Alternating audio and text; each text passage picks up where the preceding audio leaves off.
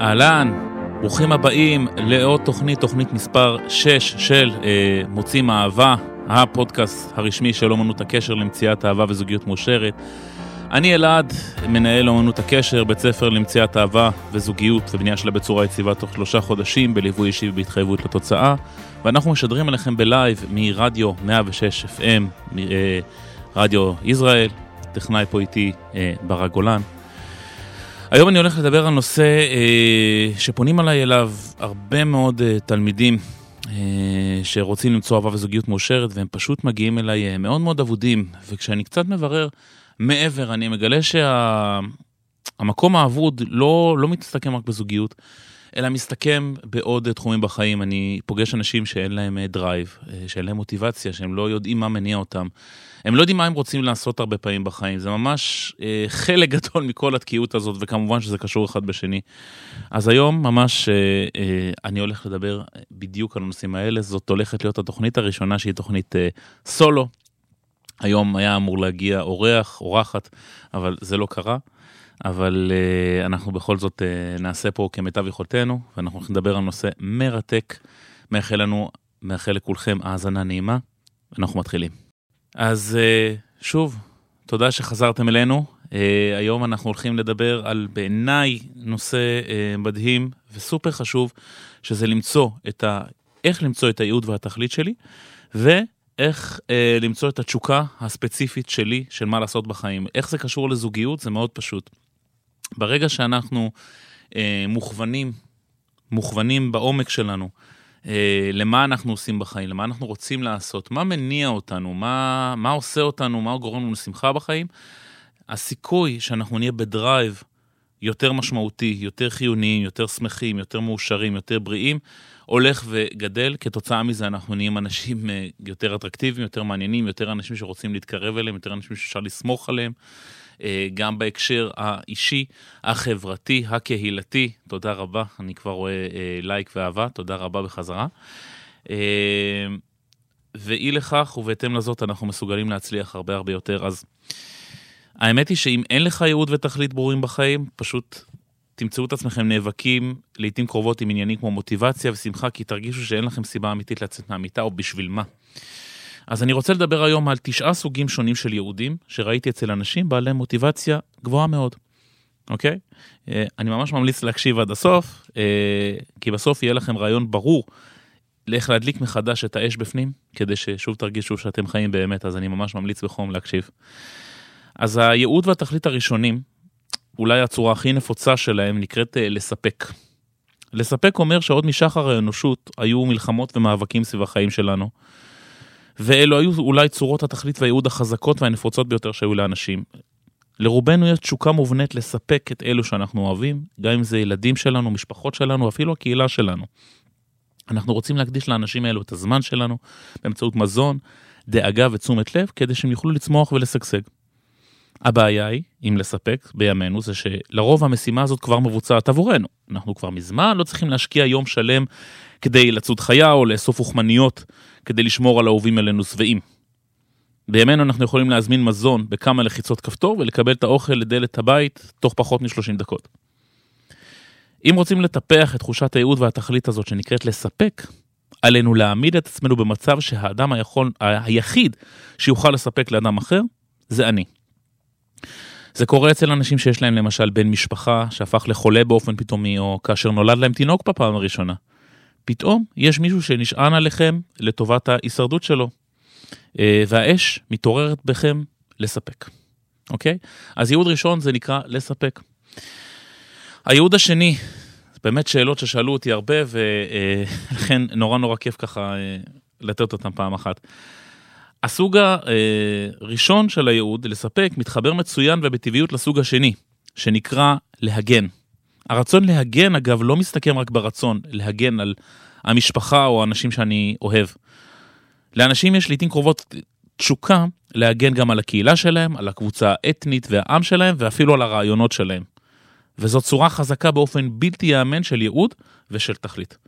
אם נחשוב על זה רגע אחד, זה היה גם הכוח המניע מאחורי רוב המלחמות בהיסטוריה האנושית. הגנה על משאבים, הגנה מפולשים, הגנה על רעיונות, זה בדרך כלל הסיבות העיקריות למאבקים האלו. אפילו הרעיון של כבוד, תחשבו על זה שנייה אחת, הרעיון של כבוד, ברגע שאנחנו מעמיקים בו, בבסיס שלו זה רצון עז להגן על מה שאדם מאמין בו. אם רוצים לטפח את התחושה של ייעוד ותכלית שנקראת להגן, צריך לעשות שני דברים. אחד, זה להתאהב במישהו או משהו שהוא חיצוני לנו, או אדם, או קבוצה של אנשים, או אפילו רעיון. והדבר השני זה לזהות גורם שמאיים על מישהו או משהו שאנחנו אוהבים. זה יכול להיות משהו שאנחנו מזהים שיגיע בעתיד, התקפה מצידה של קבוצה אחרת, או אפילו רעיון אחר שמאיים על הרעיון שלנו. ברגע ששני התנאים האלה מושגים, תהיה לנו תשוקה חזקה להגן על כל מי ומה שאנחנו אוהבים. אוקיי, אז יש לנו בינתיים לספק ולהגן. אוקיי? הייעוד והתכלית השלישית שאני אישית מאוד מתחבר אליה ואוהב אותה, זה אה, נקרא ללמד. ללמד זה בעצם הרצון לעצב את אלו שסביבך ולחמש את האנשים, מלשון תחמושת, את האנשים שאכפת לך מהם, עם הידע אה, כיצד לשרוד וכיצד לשגשג. זאת אומרת, להכין אותם לקראת הבאות בחיים. בשונה מהייעוד והתכלית של לספק, שיותר עוסק בלסייע לאהובים שלך לשרוד, חשוב לא פחות כמובן, התשוקה ללמד ממוקדת יותר על להכין אותם כך שיוכלו, שיוכלו לשגשג ולפרוח בכוחות עצמם, כך שיום אחד התלמיד יוכל להתעלות על המורה. אגב, זה מה שמניע המון המון המון אנשים בחיים שמגיעים לעמדות uh, כוח uh, ולעמדות השפעה. Uh, לפעמים מניע אותם גם הכוח לרצון להשחית או להתאכזר וכולי, אבל הרבה פעמים מה שמניע אותם זה הרצון להיות בעמדת השפעה כדי לעזור לאנשים אחרים, כדי ללמד. אה, צורת התכלית, הייעוד והתכלית של ללמד נמצאת במיוחד אצל הורים, מורים ומרצים שונים. אם אנחנו רוצים לטפח את התחושה של הייעוד והתכלית שנקראת ללמד, קודם כל צריך להפוך לטובים במיוחד במשהו. ברגע שנוכל להבחין במדויק ביתרונות שהידע והכלים שמה שלמדנו מביאים לחיים שלנו, למשל אני שלמדתי על בשרי את הדרך למציאת זוגיות, נוכל לחוות את ההנאה של להעביר את הידע והכלים האלה הלאה, כך שאחרים יוכלו להרגיש כמוך וללמד. אלה שלושת הראשונים. אה, אני אגע בעוד אה, סוג אחד של ייעוד ותכלית אה, נוסף, שנקרא לחקור ולגלות. זה סוג של ייעוד שנובע מהתשוקה לחוות כמה שיותר, לטעום את כל הטעמים, לראות את כל המראות, לפגוש כל מיני סוגים של אנשים, וזאת צורה שהיא הכוח המניע מאחורי כל ההרפתקנים הגדולים וטיילי העולם. אבל זה כמובן לא מוגבל רק לחוויות פיזיות, כי אם יש לך תשוקה עזה לחקור ולגלות, תהנה לך גם לחקור ולגלות רעיונות שונים. למידה הופכת להיות מאוד מספקת, במיוחד כשזה נוגע לדברים שאתה יודע מעט מאוד לגביהם. אם רוצים לטפח את התחושה הזאת של ייעוד ותכלית שנקראת לחקור ולגלות, צריך קודם כל לטפח אחת מחמש תכונות האישיות הגדולות שנקראת פתיחות. אז הנה עובדה מעניינת לגבי פתיחות. מחקרים מצאו שהיא גדלה באופן טבעי מאז שנולדנו עד בערך גיל שמונה, ואחר כך יורדת משמעותית, מה שמציע את ההנחה שרוב בני אדם נהנים לחקור ולגלות בתור ילדים. לא מפתיע במיוחד, כן? וככל שהם גדלים, הם מעדיפים להיצמד למה שהם מכירים ורגילים אליו. אם אנחנו רוצים לטפח תחושה חזקה של ייעוד ותכלית של לחקור ולגלות, צריך לעשות ההפך. עלינו לעשות שוב ילדים ולאמץ את הפחד מהלא נודע. אפשר לעשות זאת על ידי זה שנתחיל בקטן, ללכת למקומות בעיר שאף פעם לא הלכנו, להזמין מנה שלא ניסינו אף פעם, במקום להזמין את אותו דבר. פעם היינו מוקסמים מהעולם, כך שזה שוב אפשרי לחלוטין שנהיה מוקסמים שוב.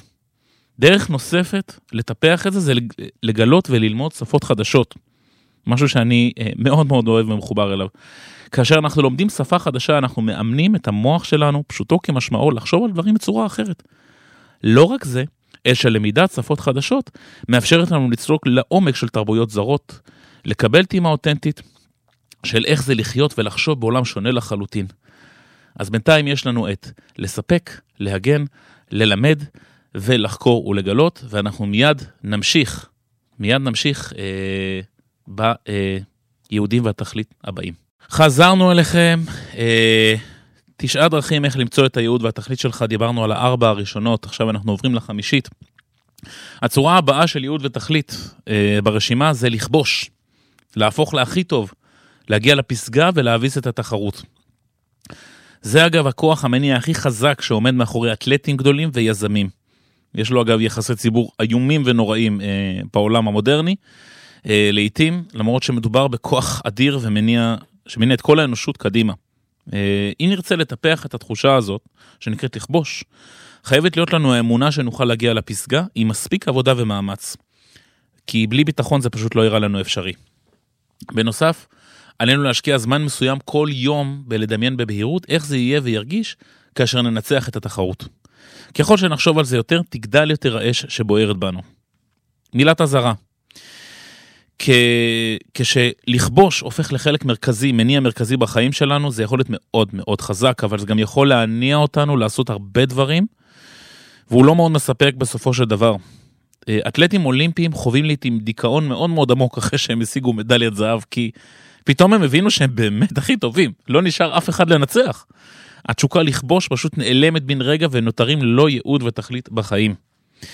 אם יש לך רצון ללכת בדרך הזאת זה בסדר גמור, רק חשוב לקחת בחשבון שנהיה זקוקים לתכלית וייעוד מסוג אחר בהמשך הדרך. ואני גם אוסיף עוד מילה חשובה על הדבר הזה, שהעיקר של ההנאה לפעולה אה, והסיפוק מגיע דווקא מהחתירה במעלה הדרך.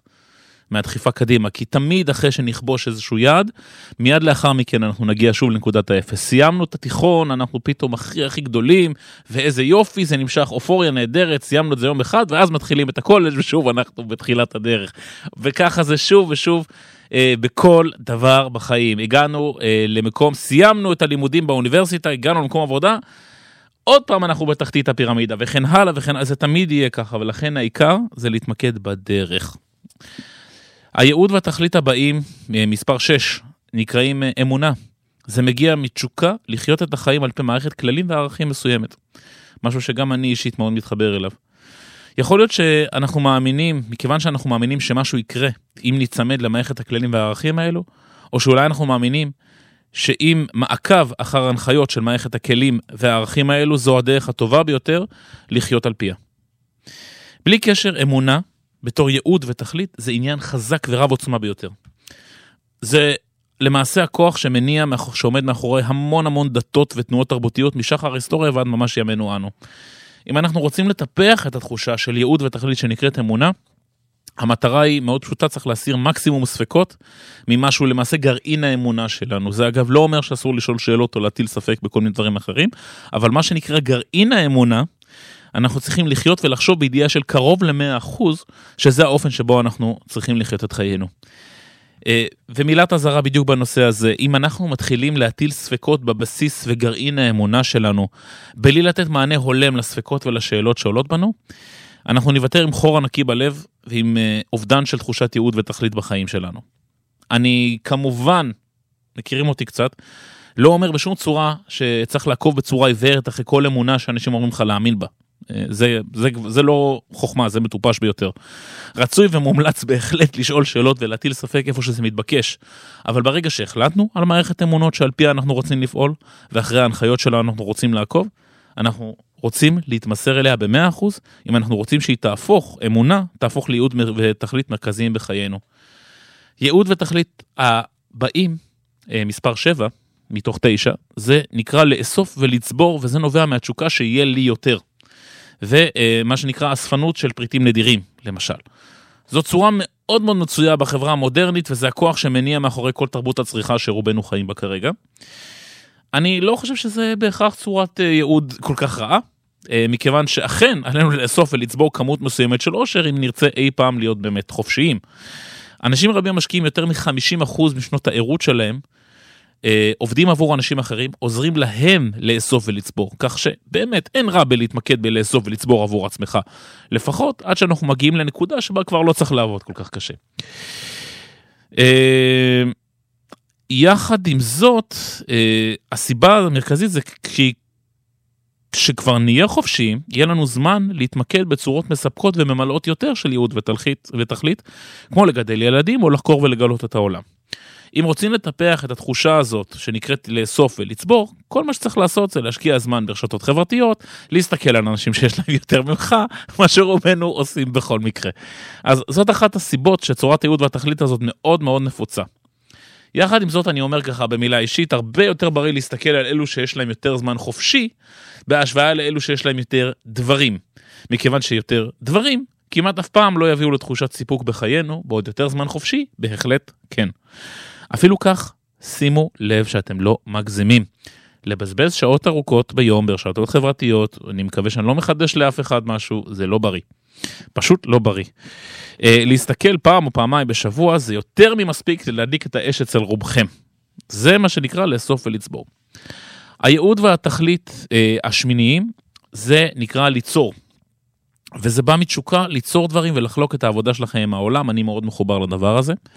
אה, זה אכן הכוח הגדול והמניע מאחורי כל אמן גדול ומאחורי כל ממציא.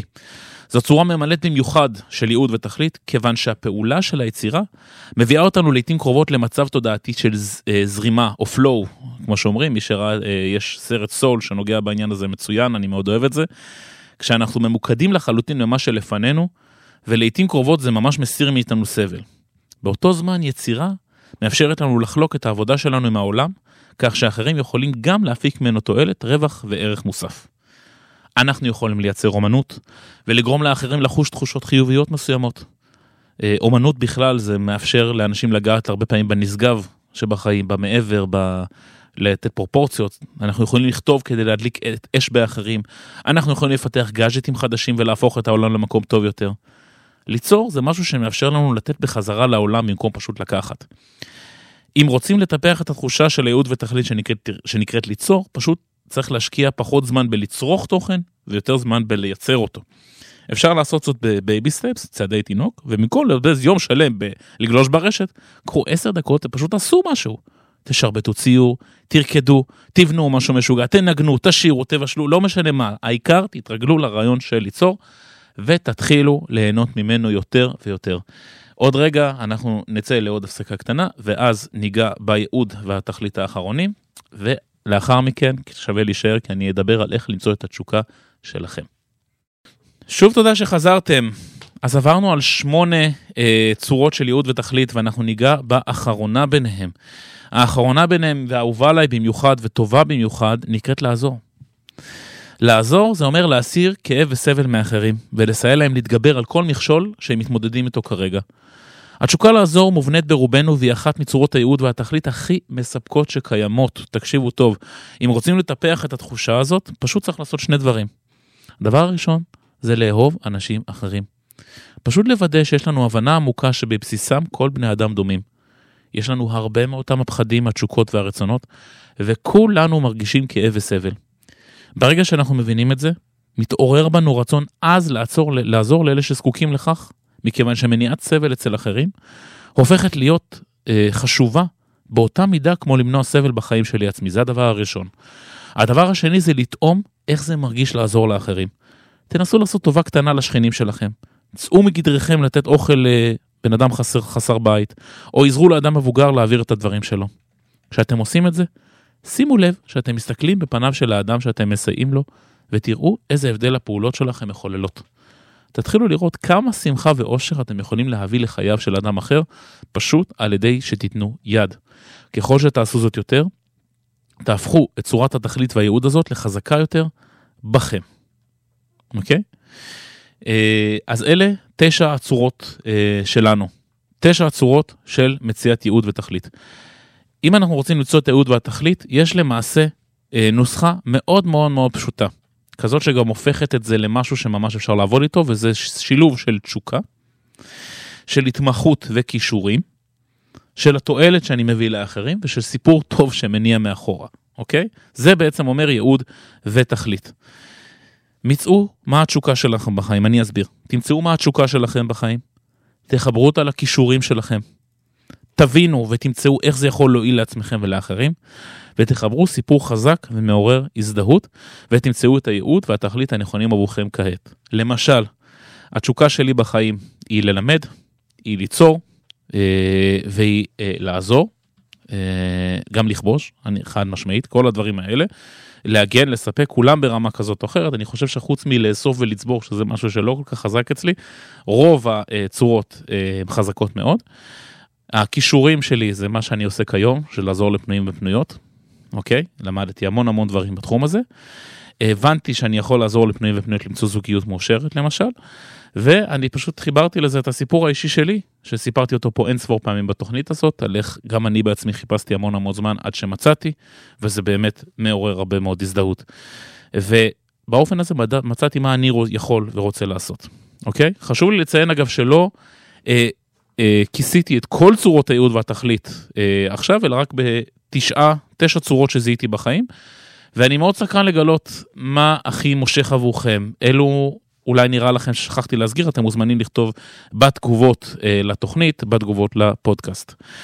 הדבר הבא שאני רוצה לדבר איתכם עליו, זה הנושא של איך למצוא את התשוקה שלי, זאת אומרת להבין מה אני רוצה לעשות בחיים, אה, ולמנות 11 יכולות מרכזיות שלמעשה מאוד מאוד יכולות לעזור לנו אה, בחיים עצמם, ולמצוא את מה אנחנו יכולים לעשות בהתבסס על היכולות שלנו, אוקיי? הרי אנחנו מעבירים את רוב השנים שלנו כצעירים במערכת השכלה שבוחנת אותנו על יכולתנו לפעול היטב בתוך מספר אפשרויות מאוד מוגבל. זה גורם להרבה מאיתנו לגדול בתחושה שחסר לנו הכישרון והאינטלקט להצליח בחיים, כשהמציאות בפועל היא שאנחנו פשוט נבחנים על דברים שאין לנו שום זיקה אליהם, כלום. היום אני עובר איתכם על 11 יכולות כאלה שקיימות בחיים של כולנו. אז אם יש לך דאגה לגבי, אה, או למי מכם דאגה איך למצוא את התשוקה שלכם, פשוט תקשיבו עד הסוף, ואני מקווה שזה ייתן לכם קצת הבנה עמוקה של איפה נמצאות החוזקות שלכם, ומה שייתן לכם את הרעיון לאיזה כיוון כדאי ללכת. אה, חשוב לי להבהיר שכשאני מדבר על יכולת, אני מדבר על שני דברים.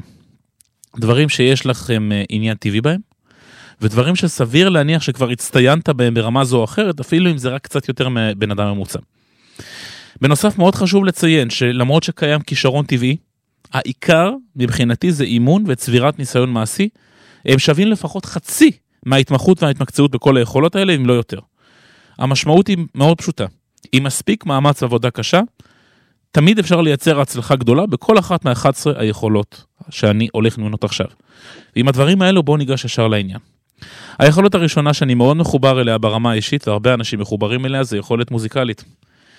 אנשים שמקבלים ציון גבוה בקטגוריה הזאת נהנים להאזין למוזיקה, לומדים יותר טוב על ידי שהם מאזינים למוזיקה, יש להם, או בכלל להאזנה לאנשים שמדברים, אה, גם כנראה אה, חלק מצופ... ממאזיני התוכנית הזאת והפודקאסט האלה, חד משמעית, ויש להם חושים מחודדים למה נשמע נעים לאוזן. זה אומר שיש להם חוש טבעי לקצב, לטונים, למלודיות, ויכולת לעיתים קרובות לזכור ולשכפל מקטעים מוזיקליים במהירות. אם יש לך זיקה חזקה למוזיקה, זה מן הסתם אומר שאתה טוב בנגינה על כלי מוזיקה, שירה או אפילו על חנת מוזיקה. למרות שמדובר במיומנות שהחברה נוטה להתעלם, אה, בטענה שזה רק תחביב, יש המון דרכים לקריירה לאנשים שמתבלטים לטובה ביכולת הזאת. זה כולל להפוך ליוצר תוכן שקשור במוזיקה, עבודה על אודיו, לסרטים ולקטעי וידאו, הלחנה וכתיבת מוזיקה, עבודה על עיצוב סאונד באופן כללי, עבודה ברדיו וכולי וכולי, באמת באמת שזה אה, יופי של יכולות ויופי של קריירות ויש עוד הרבה שלא ציינתי אבל זה הכיוון. היכולת השנייה שאני אציין, סליחה, היכולת השנייה שאני אציין עכשיו היא היכולת אה, שנקרא ליכולת טבעית, יכולת טבע. אנשים שמקבלים ציון גבוה בקטגוריה הזאת בדרך כלל נהנים לבלות זמן בטבע. אוהבים צמחים, חיות, מבינים איך רכיבים ויסודות שונים בעולם מתקשרים אחד עם השני, ובעצם יש להם חוש טבעי למיומנויות והישרדות. הם יכולים לזהות צמחים וזנים ייחודיים, הם מבינים איך חיות מתנהגות, הם יודעים איך כל דבר בטבע מחובר.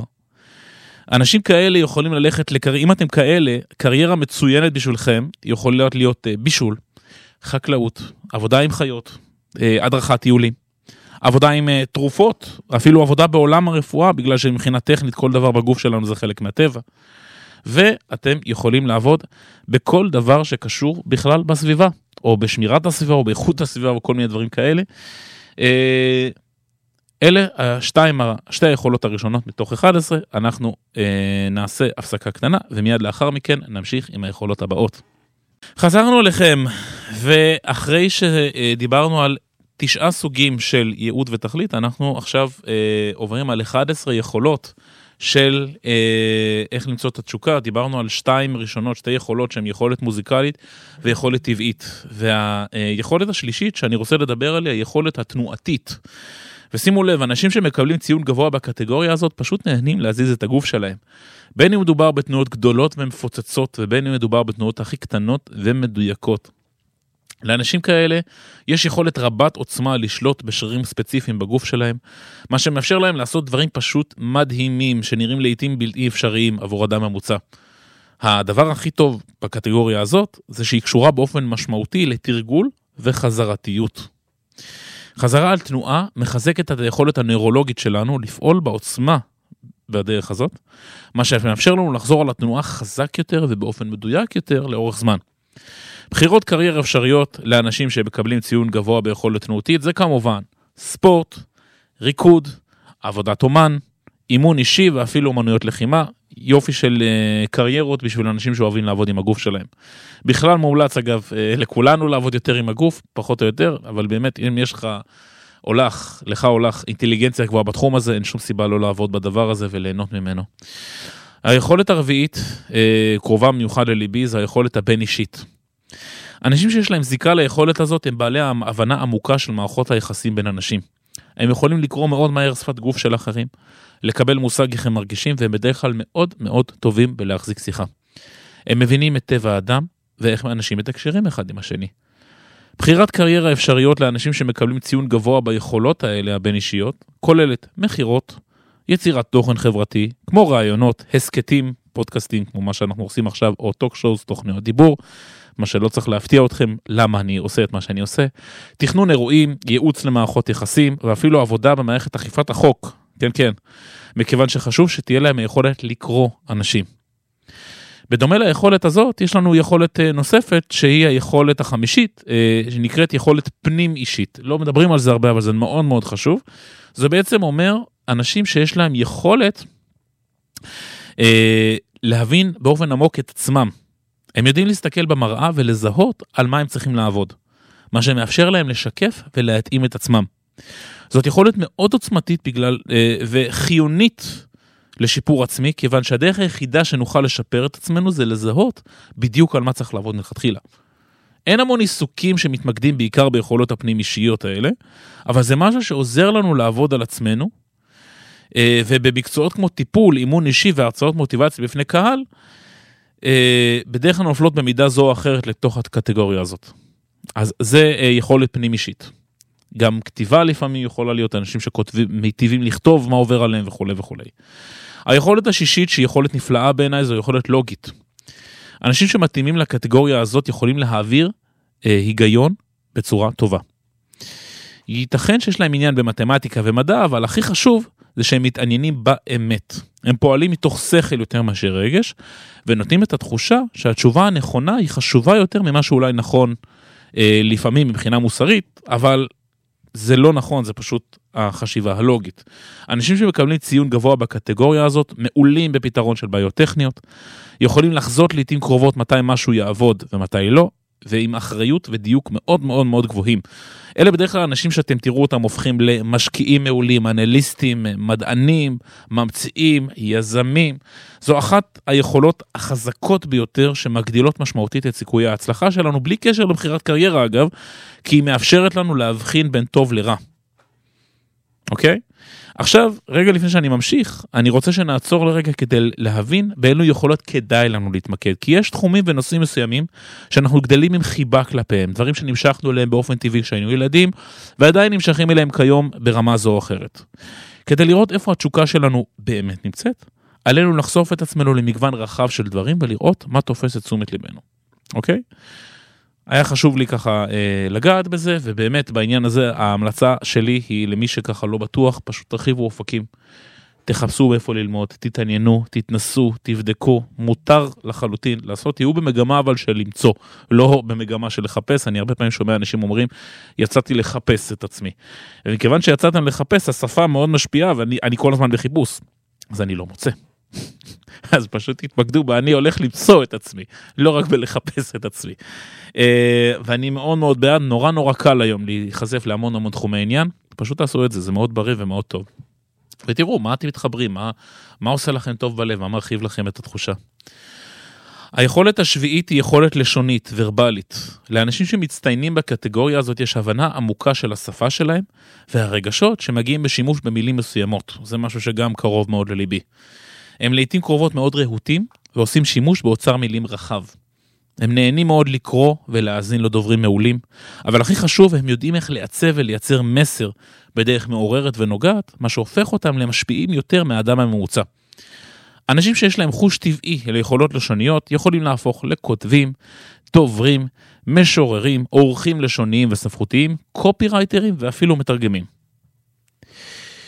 היכולת השמינית זו יכולת אה, נפלאה שאתם תאהבו מאוד לדעתי, זאת היכולת הדיגיטלית. זו יכולת די חדשה ברשימה הזאת, כי הפופולריות של העולם הדיגיטלי עלתה במיוחד בעשור האחרון. רוב האנשים אגב שנכנסים לקטגוריה הזאת זה אלה אנשים צעירים שממש גדלים לתוך העולם הדיגיטלי כחלק משמעותי בחיים שלהם. יש להם הבנה עמוקה איך העולם הדיגיטלי עובד. מדיה חברתית, קידום מילות מפתח, שיווק, מימים, ויראליות, כולם דברים שנכנסים בקטגוריה הזאת. וזו גם הסיבה שעיסוקים שקשורים ליכולת הזאת הם פשוט אינסופיים. בכנות, כל דבר שיכול להתבצע אונליין, מצריך רמה כזאת או אחרת של יכולת דיגיטלית. והדרישה לאנשים עם היכולות האלו רק הולכת לגדול משנה לשנה, כאשר עוד ועוד עסקים מתנהלים אונליין. היכולת התשיעית, ואהובה עליי גם כן, היא היכולת הוויזואלית. לאנשים שמקבלים ציון גבוה בקטגוריה הזאת, יש הערכה עמוקה לאסתטיקה. זה אומר שהם יכולים לזהות מה נעים לעין, הם יכולים לומר איזה צירוף צבעים וצורות נראה טוב, הם גם יכולים לדמות ולדמיין תמונות מורכבות בראש שלהם, מה שמאפשר להם לייצר את התמונות האלו על נייר בפרט ובמציאות בכלל. בחירות קריירה אפשריות כוללות ארכיטקטורה, אדריכלות ועיצוב, איור, אנימציה, קומיקס, מעצבי אופנה, מעצבים גרפיים וכל הדברים האלה בין השאר. אה, אנחנו נעצור בנקודה הזאת ומיד אחרי ההפסקה אנחנו נמשיך לשתי היכולות הנוספות. חזרנו אליכם, דיברנו עד עכשיו על תשע יכולות של, אה, שיכולות להוביל אתכם ליופי של אה, תשוקה בחיים, דברים שתוכלו לעשות. ואנחנו מגיעים לשתיים האחרונות, אוקיי? היכולת העשירית שלנו זה יכולת הוראה. דיברנו על זה קודם, היא מאוד מאוד מתקשרת לייעוד והתכלית שנקרא ללמד. לאנשים שמקבלים ציון גבוה בקטגוריה הזאת יכולת לקחת אה, נושאים מורכבים ולהנגיש אותם באופן פשוט וברור עד לרמה שאפילו ילד קטן יכול להבין אותם. זה כישרון בלתי רגיל, בעיניי. הם יכולים להבחין אם מישהו עושה משהו נכון או לא נכון בתחום שבו הם מתמחים, והכי חשוב, הם מרוויחים תחושת סיפוק מאוד עמוקה מלראות את התלמידים שלהם צומחים. בחירות קריירה אפשריות למי שנכנסים בקטגוריה הזאת יכולות להיות הוראה, ייעוץ, מנטורינג, יצירת תוכן חינוכי ואפילו הורות. אגב, מיותר לציין שאני מאוד מאוד מחובר ליכולת הזאת, ברמה האישית. יכולת 11 זאת יכולת רוחנית. זו קטגוריה מאוד מיוחדת בעיניי, מכיוון שכמעט בכולם מתעורר עניין לגביה בעיקר ככל שהם מתבגרים. מכיוון שזאת היכולת בעצם לחשוב על השאלות הגדולות של החיים, כמו מה המשמעות שלהם בכלל. אנשים שמוקסמים ומרותקים לקטגוריה הזאת יכולים להפוך לפילוסופים, אנשי רוח, אנשי דת. אה, אצלנו ביהדות זה בדרך כלל יהיו, יהיו אה, תלמידי חכמים, רבנים ומלמדים, או פשוט אנשים שמשקיעים זמן רב ומחשבה על הדברים האלה. למעט מה שציינתי, אין הרבה עיסוקים שדורשים אה, מומחיות ביכולת הזאת, אבל אין ספק שהאנשים שכן עוסקים בדבר הזה, יש להם יכולת, בייחוד אה, בגיל המבוגר כן להפוך למורה דרך אה, רוחניים וכן לעשות הרבה הרבה טוב והרבה השפעה גדולה מאוד בעולם, דרך אותם רעיונות, דרך אותה צמיחה רוחנית. כמה מילים אה, קצרות לסיום, אוקיי? לגבי היכולות. לרוב האנשים יש זיקה כמובן ליותר מאחת מ-11 היכולות האלו, אבל חשוב שבאותו התחלה, לפני ייעוצי קריירה וכל מיני דברים כאלה, נבין מה מהדברים האלה מעניין אותנו יותר מאחרים, ואז ננסה לחשוב על אה, דרכי קריירה אה, שעושות שימוש ביכולות האלו. זה יאפשר לכם קודם כל לחיות ולהתפרנס בכבוד, בזמן שאתם עוסקים במשהו שאתם באמת מתעניינים בו, ומה שיהפוך את העבודה בחייכם למשהו יותר כיף ומהנה, ומעבר לזה, זה משהו שבכלל יכניס יותר drive לחיים שלכם ויותר מקום. אה, אמנם אה, אני כאן, אה, באמת, הדבר המרכזי שאני עושה זה לעזור לאנשים למצוא זוגיות, אבל הדברים האלה הם כל כך... אה, כל כך יושבים בבסיס של ה-well-being שלנו, של זה שיהיה טוב לנו, שיהיה נכון לנו, שיעבוד לנו, שבאמת אה, ראיתי לנכון להקדיש להם לפחות אה, פרק אחד, לפחות תוכנית אחת, כי אני באמת באמת חושב שזה משהו שיכול מאוד מאוד מאוד מאוד לעזור. אני מאוד אשמח uh, לשמוע בתגובות uh, שלוש, לפחות שלוש, מתוך 11 היכולות האלו מהדהדות אצלכם הכי חזק. ואני מאוד מאוד סקרן לשמוע מה אתם חושבים שהדרך שלכם יכולה להיות. הדבר האחרון שאני באמת מאוד רוצה אה, לגעת בו, אוקיי? אה, לקראת הסיום, זה אה, שאחרי שתדעו את הדברים האלה, אני קודם כל מקווה שההכוונה הראשונית הזאת עזרה לכם. אם האזנתם ככה לתוכנית, אני חושב שזה אחד התכנים החשובים ביותר שהעברתי כאן. אבל השלב הבא אחר כך זה השלב שבעצם ישלים, ישלים את המהלך, וזה השלב של החזון האישי. השלב של החזון האישי זה השלב שבו בעצם אנחנו לוקחים אה, חלום גדול ובעצם מורידים אותו לפרקטיקה.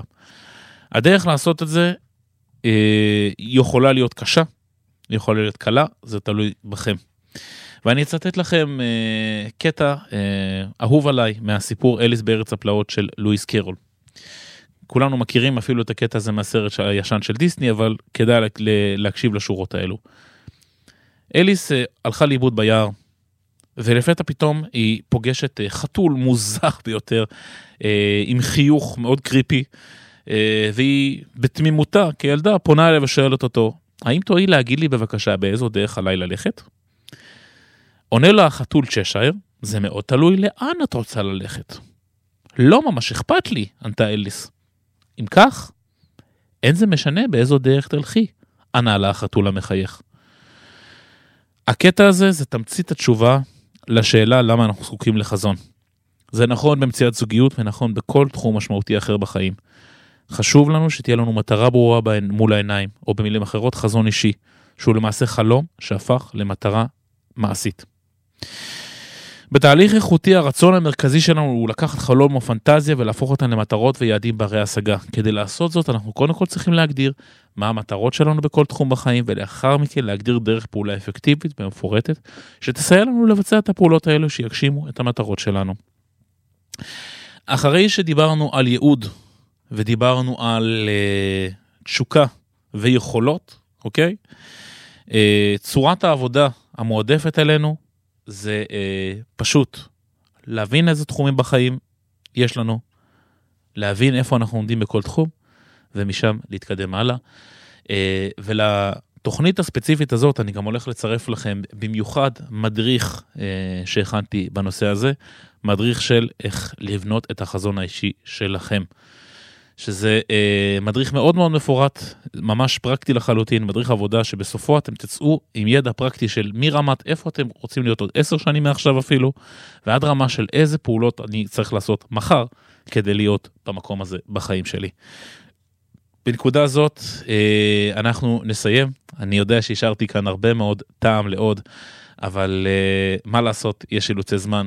אה, היה לי כיף היום להיות איתכם בסולו. ביחד ולשתף אתכם קצת מהתובנות שלי, מהשאלות ששואלים אותי כל הזמן. אם אתם אה, עדיין לבד ואתם מרגישים שאתם רוצים עוד ואתם רוצים לקבל עוד עזרה, אתם מוזמנים לפנות אליי. אם אתם אה, פנויים ופנויות ואתם רוצים להתארח בתוכנית הזאת, אתם מוזמנים אה, לפנות אלינו דרך המייל של המערכת, ואנחנו נשמח לארח אתכם כאן אונליין בתוכנית. ואם אתם אורחים ומטפלים ובא לכם להיחשף ויש לכם ידע שיכול לעזור לפנויים ופנויות ולאנשים בכלל במציאת זוגיות מאושרת או בכל דרך אחרת, אתם מוזמנים לפנות אה, גם כן ישירות אלינו אה, ולהתארח בתוכנית, אולי, אולי נשמע אתכם כאן בפרקים הבאים. ובנקודה הזאת אה, אני רוצה להגיד תודה רבה לרדיו עמק יזרעאל 106 FM, תודה לברק גולן הטכנאי שליווה אותי בתוכנית הזאת ובכל התוכניות הקודמות, תענוג גדול. Uh, תודה למי שעקב, תודה למי שעוקב אחרינו בלייב, אפשר למצוא את הפודקאסט שלנו uh, בדף של אומנות הקשר, בפייסבוק, בטלגרם, בטוויטר ובכל רשת חברתית אחרת. Uh, זהו, ואני מאחל לכם שתמצאו את התשוקה ואת החזון ואת המטרות שלכם, ואת הייעוד ואת התכלית שלכם, ואני אשמח uh, למי שרוצה לעזור וללוות בדרך. אנחנו נתראה בעזרת השם בטוב בתוכנית הבאה. אור ואהבה מאלעד. ומצוות אומנות הקשר.